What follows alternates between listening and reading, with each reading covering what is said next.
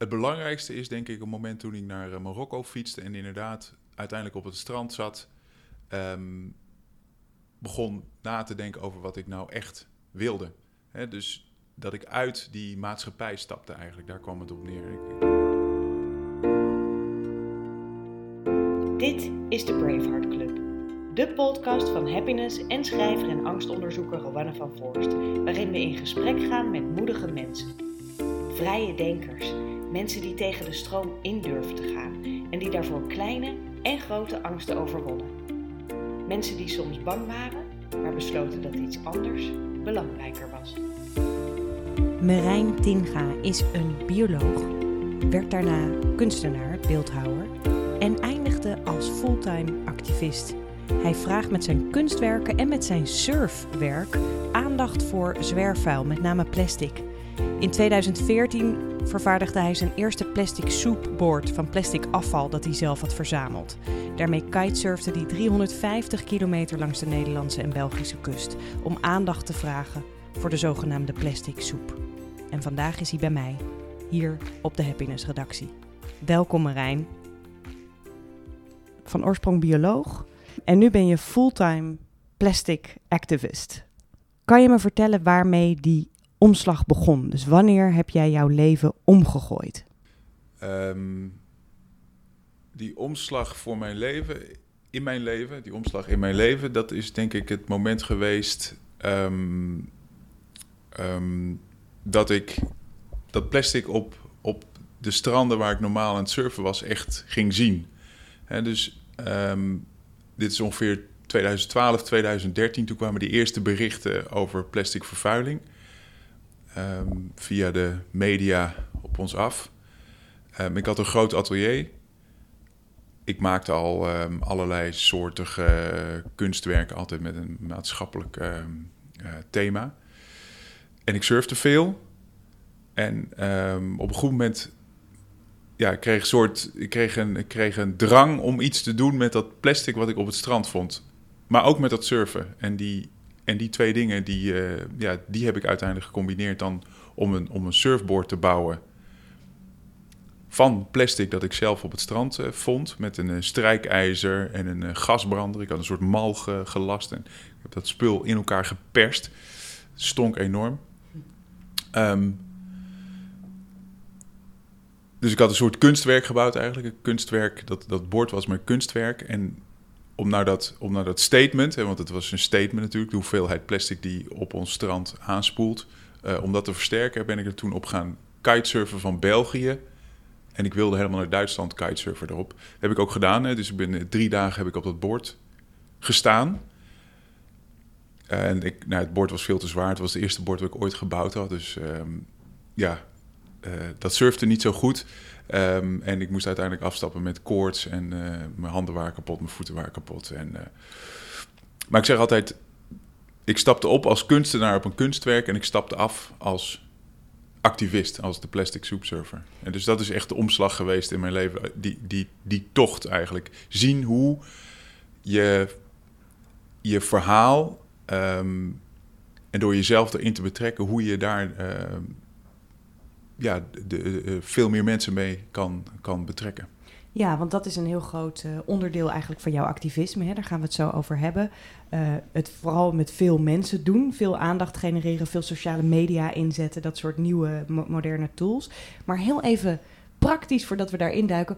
Hoe doe je dat, drie dagen lang op zo'n boord staan? hoe, hoe, leef je dan, zeg maar? Nou ja, ik, ik had een. Uh, er werd een. Eigenlijk het moment dat we dat besloten. Dat ik zou gaan surfen van België naar, naar Duitsland. En we is dan? Oh, sorry. Ja, dus ik had een, een, inmiddels uh, een, een vriendin van de buurman. Die had ik op een feestje ontmoet. En die wilde mij helpen. En zij was um, uh, visual designer, hoe zeg je dat? ontwerpster. Um, en zij hielp mij met, nou ja, eigenlijk met de communicatie. En ik had een uh, documentairemaker, ook een, een vriend van de biologie, oud studiegenoot. En die wilde wel dat vastleggen en een documentaire van maken. Dus met z'n drieën zijn we eigenlijk ja, op pad gegaan. En ik had een, uh, je, je, belt dan op naar, naar een strandtent in België of je daar mag slapen. Want de volgende dag wil je weg. En je let natuurlijk goed op het weer, want je moet drie dagen lang wind hebben. En we hadden in zekere zin geluk, want er was een, een, um, eh, staart van een tornado kwam over Nederland heen, waardoor er drie dagen wind zou zijn. Ehm, ja, hoe doe je dat? Dus je, je, je zorgt ervoor dat je eh, een rugzak bij je hebt met zoveel mogelijk spullen. En eten erin en alles wat je nodig hebt. En je stapt op, dat, op die plank en je, je, je vaart naar de volgende plek waar je kan slapen. En de eerste plek was, was in Katwijk in de surfclub. Dat werd ook op het allerlaatste moment geregeld. Ik wilde eigenlijk eerst in een tentje slapen in de duinen. Maar dat, uh, dat wilde zij. De, dat wilde de, dat, toen ze dat hoorden bij, in Katwijk, zei kom bij ons, uh, oh, bij, kom bij ons slapen. Ja, ja. Nee, dus um, ja, er zit natuurlijk heel veel praktische kanten aan om te regelen. Hè? Nee, je moet dus, je moet, afgezien van dat je waar je moet slapen en wat je moet eten, had, had ik dus die documentairemaker die achter me aanreed. En je, moet natuurlijk, en je wil natuurlijk zoveel mogelijk uh, media bereiken terwijl je dat aan het doen bent. Dus dat vraagt ook heel veel voorbereiding. Het vraagt ook dat je de hele tijd aan het uh, ja, bellen bent en, en zorgen dat je die berichten naar buiten stuurt. Ja, want ik denk dat de, de wat interessantere vraag eigenlijk die eronder ligt is... Um, het is fantastisch dat je zo'n plan krijgt. Het is fantastisch dat je geïnspireerd wordt, dat je plastic ziet, dat je daaraan ergert, dat je denkt ik wil wat doen. Maar ik denk dat heel veel mensen dat hebben. Uh, Iedereen die wel eens op Bali is geweest, op de stranden die daar vol liggen met plastic, heeft dat gevoel wel eens gehad. Dus wat is het dan in jou wat dan maakt dat dat ook gaat gebeuren? Wat maakt dan ineens een plan werkelijkheid? Nou ja, ik ben, uh, ik, eigenlijk doe ik mijn leven al dit soort uh, dingen. Dat is eigenlijk, dat, ik, deze surftocht is in die zin uh, niet nieuw. Dus ik ben ooit, ehm, ik heb altijd in het buitenland gewoond. Oh. die surftocht is in zekere zin niet nieuw. Um, ik heb altijd met mijn, met mijn, mijn vader was ontwikkelingsarts. Ik heb altijd in het buitenland gewoond. Um, ik ben bijvoorbeeld naar na twee jaar uh, werken als bioloog ben ik naar uh, Marokko gefietst met een kitesurfboard achter mijn fiets. Om daar te surfen, eigenlijk een droom na te jagen, net dat surfen toen. Um, dat was een enorme verandering. Toen ik daar was, dacht ik, ik wil kunstenaar worden. Toen ben ik kunstcollectief opgericht. Dat was ook echt, uh, dat, ja, dat, dat zijn de veranderingen. En dat, dat zorgt ervoor dat je veel minder aan zekerheden hecht. En ook heel erg het gevoel hebt van, als ik iets ja, als ik iets wil, dan, dan moet ik het doen. En niet, niet vooral, vooral niet te veel in beperkingen denken, maar vooral het gevoel hebben van is dit iets wat ik wil uh, najagen? En ik ben, sowieso ben ik ook vijf maanden om Engeland heen gezeild, bijvoorbeeld uh, met mijn gezin en mijn dochter van, van twee jaar, nog voordat we, nog voor die surftocht. Um, ik denk dat die ervaringen heel erg ervoor gezorgd hebben dat je het gevoel hebt van, nou oké, um, is dit iets ja, is dit iets wat ik echt wil? Is dit iets waarmee ik wat kan, uh, uh, kan bereiken? En, en nu zeg je, um, is dit iets wat ik echt wil? Maar he, heb je zelf een helder beeld van je diepere drijfveren? Want dat zijn wel vaak dingen die wat verder gaan dan ik heb vandaag zin om te surfen. Ja, nee, dit, dit, dit vraagt natuurlijk heel veel van mensen om je heen ook. Hè? Je moet mensen om je heen meekrijgen om datzelfde, diezelfde visie, datzelfde doel te dragen. Die mensen die over de kant meerijden, ja, het is niet dat ik ze betaal om dat te doen. Die moeten ook dat gevoel hebben van hier kunnen we een verschil mee maken. Dus dat is denk ik altijd heel belangrijk geweest daarin. Zeker als het om dit soort. Uh, het avontuur is natuurlijk altijd. Het begon met avontuur, heel duidelijk. Zeker toen die eerste tocht. Dat was eigenlijk vooral avontuur voor ons allemaal. Met een soort. Uh, ja, hoe zeg je? Latente uh, gevoel. Latent klinkt. is niet goed, maar een soort zinderende. basisgevoel van, van we willen graag hier wat aan doen, we willen graag hier wat over zeggen. En het is pas later, in die, in die tochten daarna, dat, dat je merkt hoe je, hoe je verschil maakt. Hè? Wat nou, de, wat nou die, die, die knoppen zijn waar je aan kan draaien. En, en, en, waar je precies uh, het verschil in maakt. En dan pas ga je ook pas echt heel erg uh, richten op, op ja, hoe, je, hoe je een verandering teweeg kan brengen. En voor mij is dat heel erg dat statiegeld geworden. Hè? Iets heel concreets, wat mensen heel erg, nou ja, wat heel tastbaar is voor iedereen. En wat ook duidelijk een verandering uh, teweeg zal gaan brengen. Ja, want kun je, kun je eens twee van die concrete projecten benoemen die er ehm, uit de Plastic Soup Server inmiddels zijn voortgekomen? Nou ja, dat statiegeld was een hele belangrijke. Dus op het moment dat uh, ik ben in 2016 ben ik uh, van Scheveningen naar Engeland gekitesurfd op een boord van, van plastic flesjes. Deze keer een iets beter bord? Uh, nou ja, het boord was niet veel beter, maar nou ja, het boord was ook beter, nee zeker. Maar er zat een draagvleugel onder, waardoor ik zeg maar uit het water kwam. Um, en dat boord van flesjes dus weinig het water raakte. Dus daardoor was er wat minder. En het was trouwens ook gemaakt door, niet meer door mezelf, maar door een uh, boardshaper in, uh, in, uh, in Scheveningen. Dus dat scheelde enorm voor de kwaliteit van dat boord ook. Maar goed, ik ben toen gesurfd van Scheveningen naar, naar Engeland. En dat deed ik om een petitie te starten. Dat was startschot voor een petitie voor statiegeld op kleine petflesjes, wat we in Nederland niet hebben. We hebben wel statiegeld op grote petflessen, maar niet op de kleine petflessen. Um, en die petitie werd uiteindelijk 60.000 keer getekend. En, Ja. en, die, en, en die, er was natuurlijk veel aandacht voor die tocht ook op dat moment. 60.000 keer ondertekend. Toen, zei, toen ben ik met mijn dochter op Valentijnsdag 2017 naar eh, de Tweede Kamer gegaan. Met 60.000 snoephartjes. Hè, van die geurige snoephartjes was natuurlijk Valentijnsdag. En daarbij heb ik heel sluw toen een motie aangeboden. Een motie die ik zelf had geschreven. Dus een motie is een soort ehm, ja, geschreven belofte die politici aan elkaar doen, die Kamerleden aan elkaar doen. Die had ik zelf geschreven. En die eh, werd daar vlak voor de verkiezingen eh, door al die Kamerleden ondertekend. Je hebt En- ze verleid. Ja, met mijn snoephartjes eh, en met de camera's konden ze eigenlijk niet anders dan mijn motie ondertekenen. ja. En het kleine meisje erbij, dat is natuurlijk de nieuwe generatie. En dat is, daar staat zij symbool voor. Dat is uiteindelijk waar we het voor doen. Dus daar stond zij sym- symbool voor. Ehm, maar die motie werd dus door iedereen ondertekend. Daar stond in 90% minder plastic zwerfflesjes in drie jaar. Ehm, wat eigenlijk statiegeld betekent. En die motie die werd twee dagen later door het kabinet overgenomen zonder stemming. Dus dat is heel bijzonder. Ehm, en is uiteindelijk dus ook nog gebruikt eh, voor het nieuwe beleid van de staatssecretaris. Ja, en ik kan me voorstellen dat je ineens, hè, ik las dat getal natuurlijk ook, eh 60.000 Ja. handtekeningen verzameld. Dat dat ook wel een enorme driver is voor nieuwe acties. Omdat je echt ineens merkt van, oh, iets wat ik in gang zet. eh, De jongen die in zijn eentje of met behulp van een aantal vrienden op dat eerste surfboard klom. Ja, ineens staan er 60.000 mensen achter je. Dus je kunt echt verandering in gang zetten. Ja, ja, zeker. En het is ook heel bijzonder hoe dat soort processen lopen. Hoe je heel lang kan duwen en denken: dit gaat nooit lukken. En hoe je maar blijft duwen en alles aangrijpt om ja, die, die, die, mensen op te roepen om dat te tekenen. En dat er een soort omslag uit het niks kan plaatsvinden, waardoor het zo- soort explosief eh, stijgt. En het is zo lastig om, om daar de vinger achter te krijgen wat het dan is. Waardoor mensen toch getriggerd worden, of welk bericht dat is, waardoor ze getriggerd worden om dat toch te doen. Ja, kunnen we, kunnen we daar, want jij zei, eh, je, je noemt dat zo even, van eh, je zit daarvoor in een periode waarin je eigenlijk aan het investeren bent, waarin je aan het sleuren bent, waarin Enorm, je een boodschap probeert over te brengen. Heb je daar momenten gehad van dat, dat het angstig of hopeloos voelde, of dat je denkt, ah, ik krijg die norm niet veranderd, dit helpt niet? Ja, ja, zeker. Nee, nee, dat, dat is zeker in zo'n beginperiode heb je vaak momenten. Kijk, je steekt je nek uit. Hè? Je bent iemand, je, je steekt je nek uit, je staat in de belangstelling en je voelt ook. Er is altijd een soort negativiteit natuurlijk in dit soort dingen. Er zijn altijd mensen die zeggen: ja, het maakt allemaal niks uit.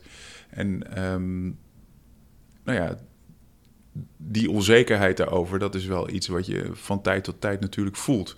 Dat je denkt van ja, eh, wat ben ik aan het doen? Eh, moet ik me hiervoor schamen waar ik me nu mee bezig ben? Eh, Ben ik aan het zeuren? ja, nou ja, ja, ben ik aan het zeuren, maar vooral van, eh, eh, ja, hè, waarom geloven mensen me niet of zoiets? Hè? Of, of waarom komt het, verkeerd, komt het verkeerd over wat ik bedoel? Of ben ik gewoon alleen maar een, eh, een aandachtstrekker of zoiets dergelijks? Begrijp je wat ik bedoel?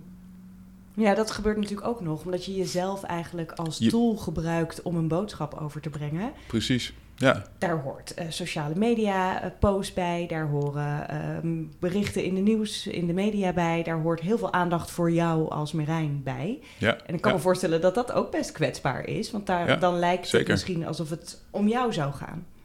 Precies, ja. En dat, dat gevoel, hè, en ik, dat heb ik gelukkig langzaam wat... Dus dat, dat vraagt ook van me dat ik, dat ik mezelf loskoppel van de plastic soup server van mijn alter ego, als het ware. Dus dat is, dat is iets wat ook zo langzaam is gegroeid dat die, nou ja, mijn privéleven en hoe ik daar ben, of hè, hoe ik, hoe ik ja, ja, ben, klinkt zo, maar ik bedoel, ehm, dus hoe je eh, thuis gewaardeerd wordt door, je, door een selecte club, dat dat anders is dan je uiteindelijk eh, in een interview wordt neergezet of, eh, of iets dergelijks, of naar buiten, naar buiten treedt. En die twee dingen, eh, die, ja, die moet je op een gegeven moment van elkaar gaan, gaan loskoppelen.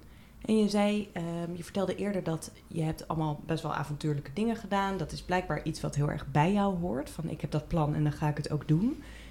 Je zei ook dat vergt nogal veel van de mensen om je heen. En toen begon je te vertellen over de mensen die met je meerijden. Maar ik kan me voorstellen dat het voor jouw geliefde en voor je dochtertje ook best wel heftige periodes in jullie leven zijn. Hoe is dat gegaan?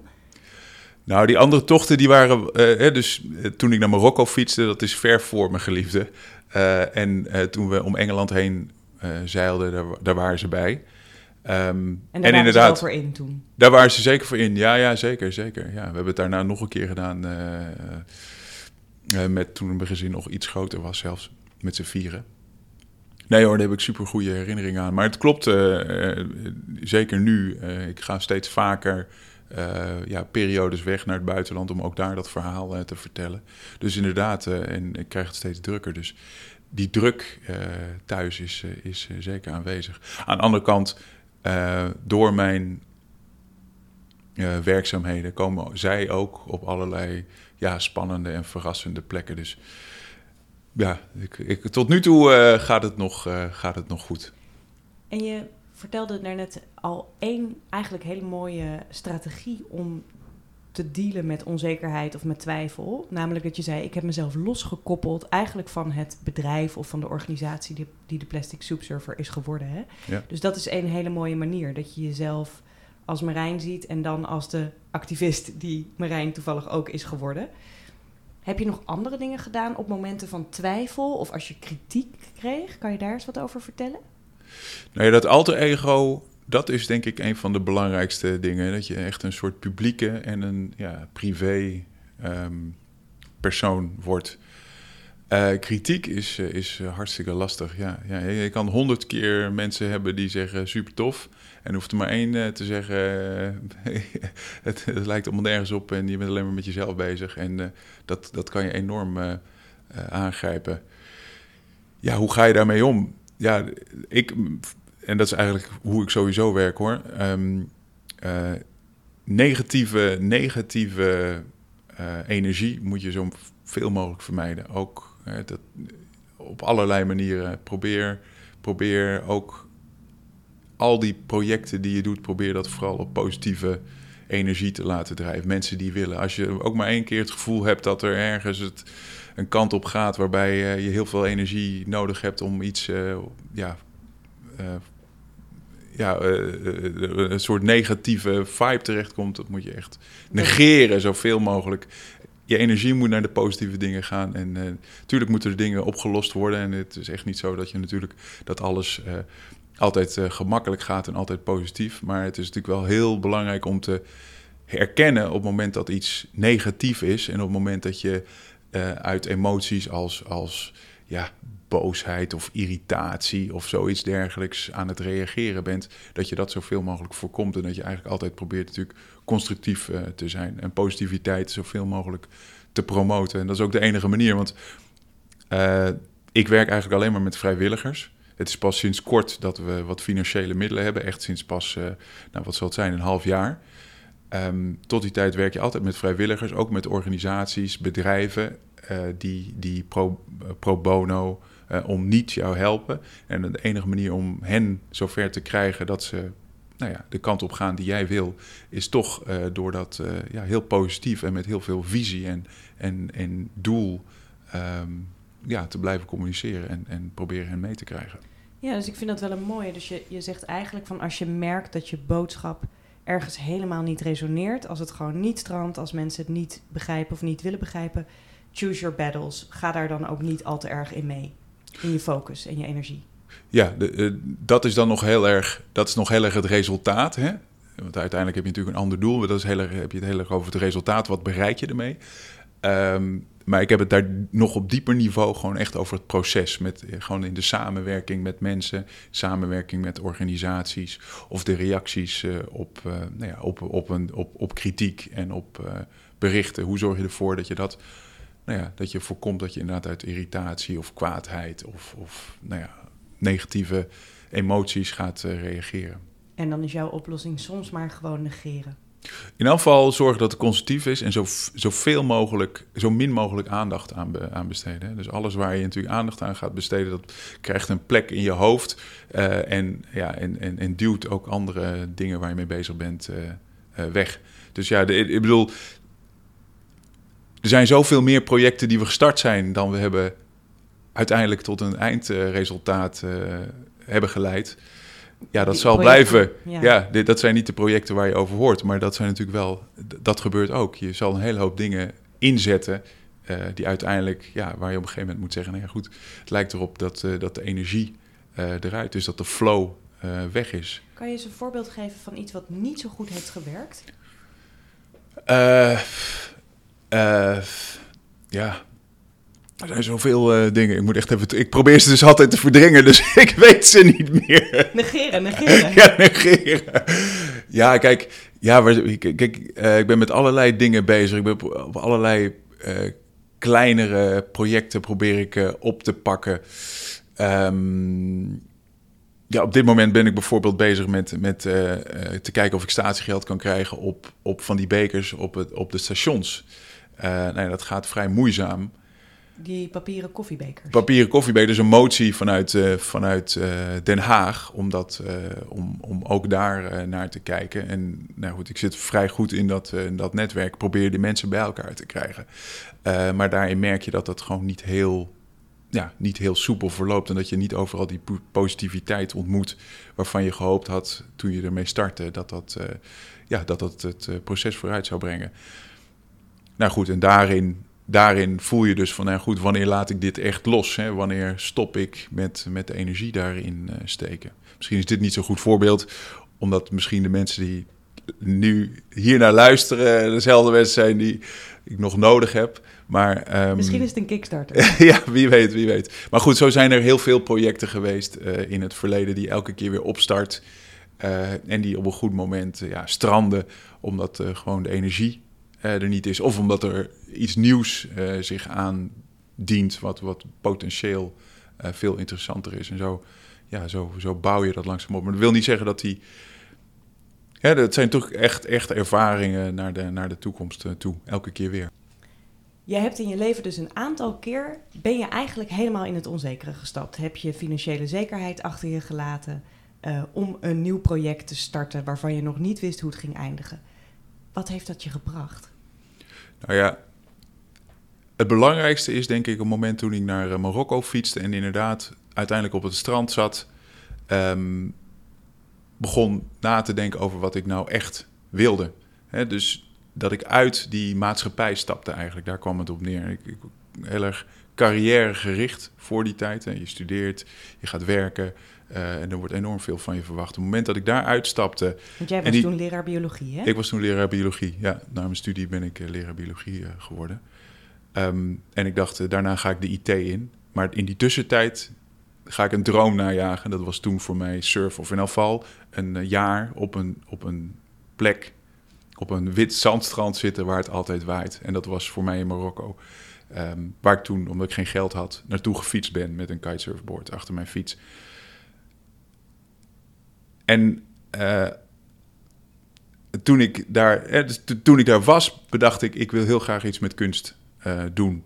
En twee jaar later ben je dan beeldhouwer. En je merkt dat al die onzekerheden, um, of al die zekerheden die je hebt opgegeven. Um, um, Wat had jij allemaal opgegeven? Nou ja, wat je dus wat je opgeeft is je financiële zekerheid. Uh, in dat geval, in dat moment ook nog uh, mijn huis. Um, onzeker, onzekere toekomst natuurlijk. En je merkt dan twee jaar later dat als je dus op jezelf vertrouwt, dat, dat het uiteindelijk ja, dat je op je pootjes terechtkomt. Financieel was nog altijd niet goed, natuurlijk als kunstenaar. Maar ik deed wel wat ik wilde en wat ik, wat ik dacht dat belangrijk was. En dat heeft heel erg ervoor gezorgd dat je veel makkelijker volgende keren. Dus als je dat één keer ervaren hebt, dat je op jezelf kan vertrouwen dat het uiteindelijk goed komt. En dat, je, dat die zekerheden veel minder belangrijk zijn dan je vooraf dacht. Hè? Dat je niet in die beperkingen moet blijven zitten. Als je dat één keer ervaren hebt, dan is het ook veel makkelijker om de keren daarna weer die stap te zetten. Dus daarna zijn we vijf maanden wezen zeilen met mijn, uh, met mijn uh, vrouw toen en, en mijn dochter van twee om Engeland heen en door Scandinavië. Geweldige ervaring. Ook dat moment weer alle financiële zekerheid, mijn vrouw ook, alles opgezegd. En die overtuiging die komt dan, omdat je dat hebt, al een keer hebt gedaan komt het voor mensen ook heel erg overtuigend over. Hè? Dus omdat je voelt van, maar dit komt wel goed, straal je een overtuiging uit naar anderen, waardoor ze dat, dat ook gaan vertrouwen. Waardoor je ook veel gemakkelijker weer eh, terugkomt in je oude baan bijvoorbeeld. Of waarbij ze bij je oude baan niet gaan zeggen van, uh, je zit maar te bluffen. Hè? Je, je, je, je meent het en iedereen gaat zoeken naar een oplossing. Het zoeken naar oplossingen... Um, door je overtuiging, dat is wat enorm toeneemt op het moment dat je één keer dat gevoel hebt gehad dat je al je ja, onzekerheden hebt, of je zekerheden hebt opgegeven. Um, in ieder geval in mijn ervaring. Nou zeg je iets heel interessants, want zo heb ik er nog nooit over nagedacht. Maar ik denk dat je heel erg gelijk hebt. Namelijk, als je in dat onzekere stapt of in het niet weten, dan krijg je daar zelfvertrouwen van. Want je merkt dat je zelf wel weer op je pootjes terechtkomt. En wat jij zegt, ik kan mezelf vertrouwen. Maar je geeft dus eigenlijk je omgeving ook een extra reden om op jou te gaan vertrouwen. Van ja, diegene doet dat af en toe. En die zorgt wel weer dat het oké komt. Dus dan krijg je ook ruimte misschien om dit soort projecten of dingen aan Absoluut. te gaan in je leven. Ja, zo heb ik het in elk geval heel erg ervaren. Dus bij mijn, dus ik heb altijd een bijbaan gehad in de psychiatrie in een atelier. Waar ik eh, mensen leerde, dus psychiatrische cliënten, moet ik zeggen, leerde eh, schilderen en, eh, en, en kleien, poetseren. en toen ik de tweede keer zei van ik ga weer, uh, ik ga weer vijf maanden zeilen, werd er niet eens, er werd niet eens, uh, er werd niet, niet tegengehouden, want ze dachten, oh ja, dat hoort bij die, dat hoort bij hem, dat hoort bij die jongen, dat moet hij natuurlijk, moet hij dat doen en wij moeten dat faciliteren. Heel anders dan de eerste keer waarbij je dat nog echt, ja, moet, uh, moet bevechten. En daarna helemaal natuurlijk met die tochten die ik daarna heb gedaan op mijn surfboard. Daarna ben ik nog een maand de hele Rijn afgepeddeld, ook weer op een surfboard van, de, nou ja, dat was, dat, dat werd allemaal heel flexibel uh, opgelost. Wat zijn voor jou, uh, wat, is, wat is een van de belangrijkste inzichten die je hebt gehad, of levenslessen, of hoe je het wil noemen, um, binnen het project van de Plastic Soup Server? Wat heb jij geleerd over de mensheid, of over de samenleving, of over jezelf? Um, ik heb altijd geïnvesteerd, eigenlijk. Ik denk dat dat het allerbelangrijkste is. Dat geld is een middel. Dat is echt, denk ik, het aller, allerbelangrijkste. Dat je het is zo makkelijk om, om te denken: ik moet een bepaald bedrag voor iets. Of dit project kan niet doorgaan omdat we niet het geld ervoor hebben. Geld is een middel. Het begint uiteindelijk met dat je het wil. Dat is echt het allerbelangrijkste. En als je iets wil, um, ja, dan, dan, dan heb je visie en dan heb je ook de kans om mensen met je mee te krijgen. En natuurlijk zal het soms zijn dat je dan de financiële middelen niet krijgt. Dat je ergens ja, natuurlijk zelf moet investeren. Maar Um, als, je, als je dat niet ervoor op wil geven, dan, uh, ja, dan is eigenlijk je project al gedoemd uh, te mislukken. Ja, dus je zegt ook zonder een, een basisuitgangspunt van financiële zekerheid of zelfs financiële welvaart, kun je best heel grote, impactvolle projecten opzetten als je maar eerst wil. Daar moet het mee beginnen. Het, belangrijk, ja, het belangrijkste is niet, je moet beseffen dat financiën een middel zijn je moet eerst willen. Je kan alles. Uh, ja, je, moet eerst, als je iets wil, dan, dan, dan, dan kom je er wel. En dat geld uh, is alleen maar een manier om het groter of. of ja, uh, het, geld is alleen maar een middel om het op een, op een, op een andere manier te doen maar die, die wens om het te willen, daar, daar begint het echt mee. En dat is iets wat heel vaak vergeten wordt. Toen ik in 2009 om Engeland heen aan het zeilen was, kwamen we in jachthavens in ons oude bootje. Ons oude houten, bootje van meer dan 40 jaar oud. En je, ga, je, je komt naar schepen te liggen van uh, anderhalf ton of meer. En er staat altijd zo'n man op en die zegt: Wat jij doet, wat jullie doen, dat zou ik ook zo graag willen doen. Alleen, ja, ik heb mijn hypotheek, ik heb mijn baan, ik heb al die dingen. Het begint natuurlijk met gewoon dat je het moet willen. Als je niet wil, zelfs al heb je alle financiële middelen, je moet het eerst willen. Nou ja, ik herken het wel heel erg, want ik weet bij mijn eigen projecten, ik had bij mijn, uh, mijn laatste roman, uh, Lief van je, die, gaat, die is gebaseerd op. Um, verhalen van getraumatiseerde veteranen. En ik wilde er heel graag een foto-expositie rondom, rondom organiseren, wat ik nog nooit had gedaan. En ik merk dat ik daar gewoon geld voor kreeg. Ik kreeg daar gewoon subsidie voor, omdat ik het ging proberen. En dat was ook wel een eye-opener. Dat je denkt, oh ja, dat is hoe mensen dit soort dingen gedaan krijgen. Die gaan het gewoon maar doen. En dan komen er vanzelf, komt er hulp uit onverwachte hoeken of ja, zo. Ja, zeker. Ja, nou ja, goed, netwerk is natuurlijk enorm belangrijk ook. Hè? Dat je begrijpt nou ja, dat, je, dat, je, dat is waar ik zelf eigenlijk heel erg mee bezig ben. Dat is waar ik eigenlijk in gezogen ben um, nadat ik die uh, toch naar Engeland, uh, of van Scheveningen naar Engeland ben gekitesurfd op een, uh, op een boord van plastic flesjes, dat dus bedoeld was om statiegeld uitgebreid te krijgen. Daarmee kwam ik heel erg in dat statiegeld discussie terecht. En dan zit je tussen, tussen Den Haag, de Kamerleden daar, staatssecretaris en alle ja, bedrijven, de Coca-Cola's tot en met de Albert Heijns. En dan kom je heel erg in een soort... anders dan het Haagse strand. Ja, ja, zeker, zeker. Maar ik vind het super interessant. Ik vind het hartstikke mooi om juist die stakeholders, om het in die termen te hebben, maar al die verschillende belangen bij elkaar te brengen. En eh, ik ben echt geïntrigeerd door dat schaakspel, door de manier waarop je dus ja, mensen en belangen, ehm, ja, uh, als je dat slim doet, uh, vooruit kan brengen. Um, en dat is eigenlijk mijn drive nu. Dat is echt heel erg. Dus dat is echt een verandering geweest. Dat avontuur, wat in het begin heel erg op uh, dat surfboard was. En heel erg ja, met z'n allen iets doen wat volledig nieuw was. Uh, op een boord van, van plastic afval, wat ook nog nooit gedaan was. En daar met z'n drieën dat, dat avontuur aangaan. Is het nu veel meer het avontuur achter de schermen met de met grote belangen, met, met, met uh, bedrijven en, en Kamerleden om langzaam op de juiste manier, met media natuurlijk ook daarbij. Uh, en die campagnes zijn heel erg steeds meer daarop gericht. Dus hoe zorg je ervoor dat je ja, die, die, die, die verandering aan die top uh, vooruitbrengt? De goede kant op, richting duurzaamheid. Ja, weer een heel nieuw avontuur, kan ik me voorstellen. Ja, dat, en, en ik vind het geweldig interessant. Ik vind het geweldig interessant en ik heb ook het gevoel dat, natuurlijk, dat wij daar als Plastic Soup Server ook een, een verschil in maken. Dat is natuurlijk heel erg belangrijk. Nogmaals, dat komt alles met, met, met het gevoel dat je een soort positieve impact hebt. Hè? Dus uh, ja, die negativiteit, daar ook probeer je zoveel mogelijk te vermijden en te negeren. En daar, daar op te pakken waar de uh, belangen wel gemeenschappelijk zijn. En dat is wat je probeert te, te, zoeken. En daar probeer je, daarom is het ook heel belangrijk dat je elke keer kleine, concrete stapjes probeert. Ook voor jezelf. En dat, dat geldt voor alles natuurlijk. Dat is een Chinees gezegde natuurlijk. Al, elke lange reis begint met een eerste stap. Nou, dat geldt gewoon overal. En als dat eerste stapje gezet is, dan moet je dat ook echt als een succes uh, omarmen. En elke keer die visie uh, houden. Ik denk dat dat op alle. Dat geldt echt voor elk vlak. Ja, ja. Ook om jezelf uh, ja, energiek te houden daarin, hè? om het vol te blijven houden, denk ik. Absoluut. Toen ik, uh, toen ik naar, ik, voorbeeld, toen ik naar uh, um, uh, Marokko fietste in 2000, kitesurfboard achter me op een karretje.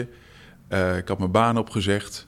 ik, had, ik had mijn relatie had ik, was, was voorbij. Mijn huis was opgezegd. En ik fietste naar de, de Haringvlietbrug over. Mijn fiets was veel te zwaar. Ik had direct pijn aan mijn knie. Ik fietste met een vriend mee de eerste drie weken. En uh, ja, op dag twee zat ik daar in, in, in, in Zeeland tussen de staakcaravans op een camping. Uh, hè, voor het idee het een beetje druilerig weer. En ik dacht, ja, mijn knie was kapot. Ik denk, hoe ga ik in hemelsnaam ooit nog 3000 kilometer fietsen? Hè, dat, dat gevoel. En dan de volgende dag fiets je dan 30 kilometer. En langzaam gaat die knie weer beter. En langzaam, dag voor dag voor dag, kom je uiteindelijk dan toch eh, in Marokko eh, terecht. Ja, prachtig. Ja. Ja. Ik heb een eh, laatste vraag voor je. Ik praat in deze serie met mensen die ik heel dapper vind, die ik moedig vind, die avontuurlijk zijn of iets durven te doen wat tegen de norm ingaat. Wat is voor jou moed? Hoe zou je dat omschrijven? Jeetje. Ja, ik denk dat, ja, nou, ik denk dat je het al eh, heel erg hebt omschreven. Hè? Dus eh, eh, inderdaad tegen die norm ingaan.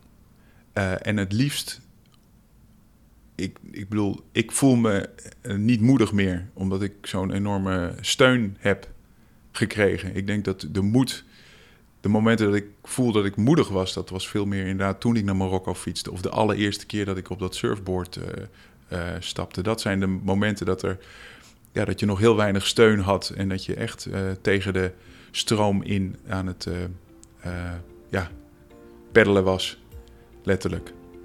Dus moed is denk ik wel dat. Dat is dat je, dat je inderdaad een, een, een, een, een duidelijk beeld hebt en een duidelijk doel. En dat je bereid bent nou ja, daar heel veel voor op te geven. Die zekerheden waar we het net over, over hadden. Ik vind het wel een heel mooi beeld.